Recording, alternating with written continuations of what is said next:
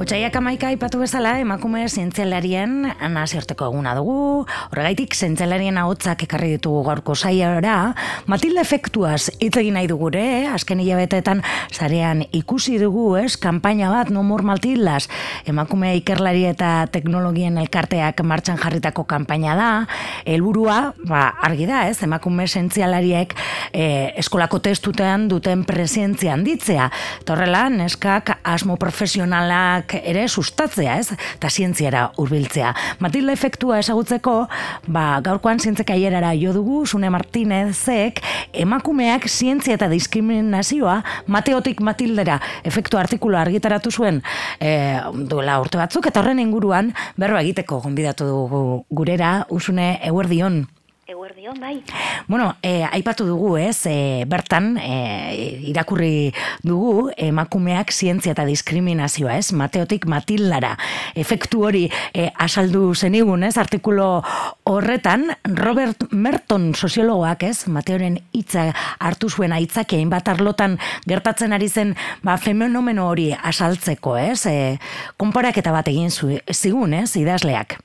Bai, kontua da, bueno, ba, Robert Mertonek e, zientziaren soziologia, parkatu, eh? zientziaren soziologia lan duzuela, e, besteak beste, eta bere lana izan zen, bueno, ba, komunitate zientifikoaren ba, egitura, harremanak eta ba, sozializazio prozesuak aztertu zituen, ez? Hau da, bere helburua izan zen une baten jakitea zeintzuk ziren zientzialarien lana eta onespena ba, mm. oinarritzen zuten ba, arauak ero, ero balioak.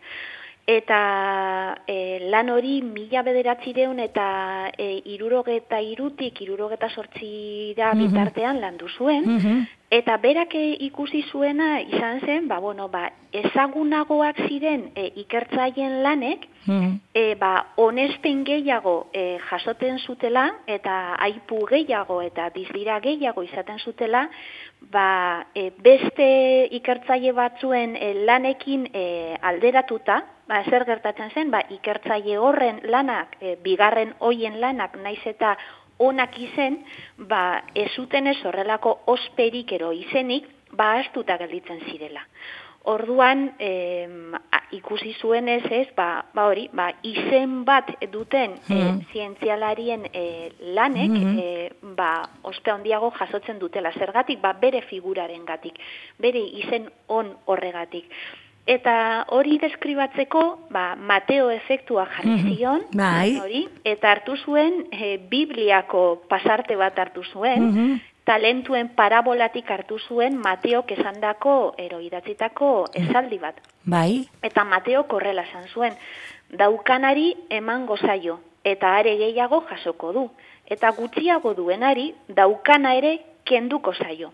Ba, berak ikusi zuen hori gertatzen zela, ez? Ba, ospe handiko zientzialariek ospea biltzen zuten e, gurpil zoro bat zela. Mm ospea zuten eta orduan bueno ba aipu gehiago jasotzen zituzten e, diru gehiago diru iturri gehiago e, diru iturri gehiago diru gehiago jasotzen zuten ba mhm. euren ikerketak e, aurrera eramateko eta ba handituz joaten zen Zina. euren izena. Mm bai.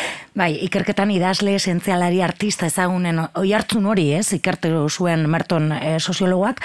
Hori da. Mm ez bakarrik zientzialari beste beste alor batzuetako e, e, bueno ba, sortzaileak edo e, ere ikertu zituen, ez? Hori, da berak ikusi zuen, e, zientziatik arago, beste esparru batzuetan mm ere, berdina jasotzen zala.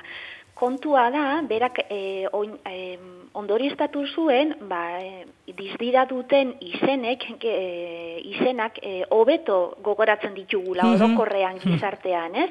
Eta adibide simple bat jarriko e, dugu. Esaterako, norbaiti galdetzen badiogu, e, esadazu mesedez, e, ezagutzen dituzun e, aktoreen izenak, mm -hmm. seguruenik, gehienek, aipatuko dituzte, hor punta-puntan barik, ba, e, bueno, ez ezagunagoak direnak, ez? Gehiago irtetzen direna medioetan, e, gehiago irtetzen direna aldizkarietan, ero e, ba, egunkarietan, ez? Mm eta ez dira aipatzen e, euren lanak onak izan arren, ba, itzalean dauden egile horien e, izenak, ez? Eta hori bertan e, esparru guztietan gertatzen da, e, esparru profesional guztietan.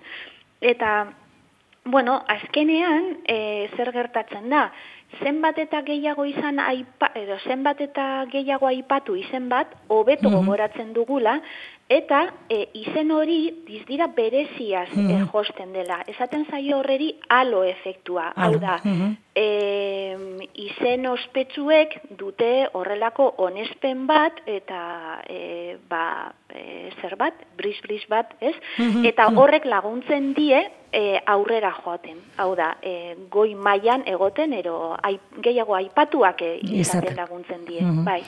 Irurogeta sortzian, mila bat zinunda irurogeta sortzian, ez? E, e, zientz aldizkarian e, argitaratu zuen, ez? Bere bai. ikerketa edo e, Mateo efektuaren berri eman zuen, ez? Bai. Eta gainera e, ikerlari baten e, bueno, bakasua erabili zuen, ez? Arriet, e, ia ondo zaten non, Zuckermanen e, bai. ikerketa erabili zuen efektua saltzeko, ez? Hori da, e, kontua da, e, Robert e, Mertonen lantaldean e, hainbat kide zeudela, eta besteak beste e, Harriet Zuckerman, soziologoa zen. Zazoiaretan, e, Harriet e, doktore gotezia egiten ari zen, eta e, bere ikerlerroa ere izan zen e, batez ere ikustea, bueno, zientzialarien arteko harremanak zeintzuk ziren, ez? E, jarriete korretarako e, sasoiaretan estatu batuetan Nobel saridunei, bero, bertan bizi ziren Nobel saridunei hainbat e, elkarrizketa egin zizkien. Mhm. Eta jarrietek ikusi zuen e, bere ikerketan Nobel saridunek e, ba, ospe handia jaso izan zutela Nobela irabazi ondoren e, eta, ez, bai, jarraitzen zutela oso izen ona izaten, naiz eta euren lana ez izen hain nabarmena. Hau da, Nobel, Nobela irabazi ondoren, lanean jarraitzen zuten, baina euren lana esan lehen besteko nabarmena. Mm Hau da, zer gertatzen zen, e, ba, e, naiz eta horrela izan, ba, euren taldeek, e, euren taldeak egindako lanak, eta mhm. beste ikertzaile batzuk egindako lanek, e, mhm. euren taldekoak, ez, ba, ikertzaile laguntzaileak, ikertzaile gazteak egindako lanek, ba, e, horrek jasotzen zuten onespena eurentzako izaten zela. Hau da, Nobel bai. mm-hmm. horien ikerketa taldeetako kideek egiten zuten e, lanakero, ba, azkenean euren gainean jartzen, e, e, euren gainera etortzen zen onespena eta zorionak eta ba, e, jabetza, ez? Mm-hmm. Eta, bueno, ba, e, Harriet Zuckermanek ikusi zuen, ba, zelan ematen ziren horrelako mm egiturak. Eta lan hori baliatu zuen Robert Mertonek bere lana egiteko. Eta zaien zen argitaratu zuen artikulua mm batez ere Harriet Zuckermanen lanean oinarrituta zegoen. Mm Baina Mertonek ez zuen e, aipatu. Hau da, ez zion ah. egin referentziari mm Harrieteri bakarrik e, artikuluaren oin ohar txiki baten agertzen zen, mm ba, bueno, lana, benetan lana, ba, Harriet Zuckermanen nazela, ez, ikerketa lana.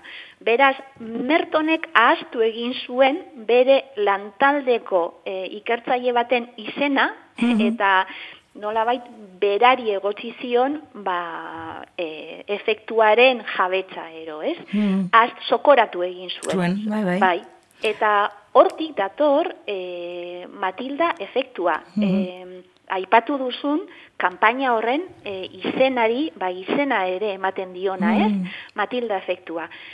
E, handik urte batzuetara, beranduago, beste ikertzaile batek, e, e, Margaret Rositerrek bai. e, kontuan izan zuen, ero jabetu zen, Mertonen e, artikulu horretan gertatutakoa, ez? Eta ikusi zuen, Mertonek zelan sokoratu zuen e, Harriet Zuckerman.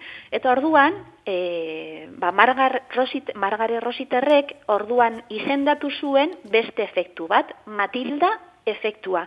Eta Matilda efektuak, bueno, ba, ekartzera, ekartzen digu, ero maigainean jartzen digu, e, emakume ikertzaileek e, urteetan zehar jaso mm izan duten diskriminazioa eta ahazdura ero e, sokora, sokoratzea, ez? Eta, bueno, ba, hainbat modutan izan dira diskriminatuak, eta hori jaso zuen margaretek. Eta adibidez, hainbat kasu ditugu, non zenarrarekin batera mm artikulu zientifikoak sinatzen zituzten, e, egiten zituzten e, emakume zientzialariak, eta bakarrik zenarraren izen agertzen zen e, ba, artikulu horietan, ez? Beste kasago batzuetan, adibidez, ba, lantaldeetan, e, ba, bai emakume eta gizonezko zientzialariak e, egon, eta kasu askotan, ba, emakumeei, ba, ospetxarra e, ipini izan zaie naita, ba, mm-hmm. euren lana sokoratzeko, ero azteko, ero behintzate kontuan ez izateko, ez? E, adibidez, badira emakume zientzialariak non euren ekarpenak lapurtuak izan dira, hau da gizonezkoek lapurtu egin mm eta euren e, ba, ekarpenak izango balira moduan ba, plazaratu dituzte. Ero lanpostu berbera, berberera aurkezten diren zientzialariak, emakumezkoak, ero gizonezkoak, eta kurrikulun pobreago mm duten ba, gizonezkoen alde egiten da ba, lanpostu uktak eta hoietan, ez? Eta bueno, beste hainbat kasu daude, esaterako datu base zientifikoetan, zientzialarien ekarpenak barneratzen direnean, katalogatzen bai. direnean, ba urteetan zehar emakumeen izenak mm. osoak jarri beharrean, jarri izan dira bakarrik euren lehenengo izkiak, hau da, izenaren izkia eta abizenaren Abizena. izkia, mm-hmm. osoa jarri beharrean. Mm Beraz zer gertatzen zen, ba, e, datu baseak e, ba, kontsultatzen zuen edonork, ezekiela lan baten ostean, eroatzean, emakume bat mm. zegoenik. Mm. Eta, bueno, ba, horrelako e, hainbat kasu bildu zituen e, Margaretek eta mm -hmm. Margare Rositerrek eta horrekin landu zuen Matilda efektua. Tua. Bueno, guzti honekin argi e, geratzen zaigu, eh, zenbat zientzialari astu du e, izan ditugun eta e, historian zehar, ez? Eta ikasi ez ditugun enak, ez? Ere eskolan.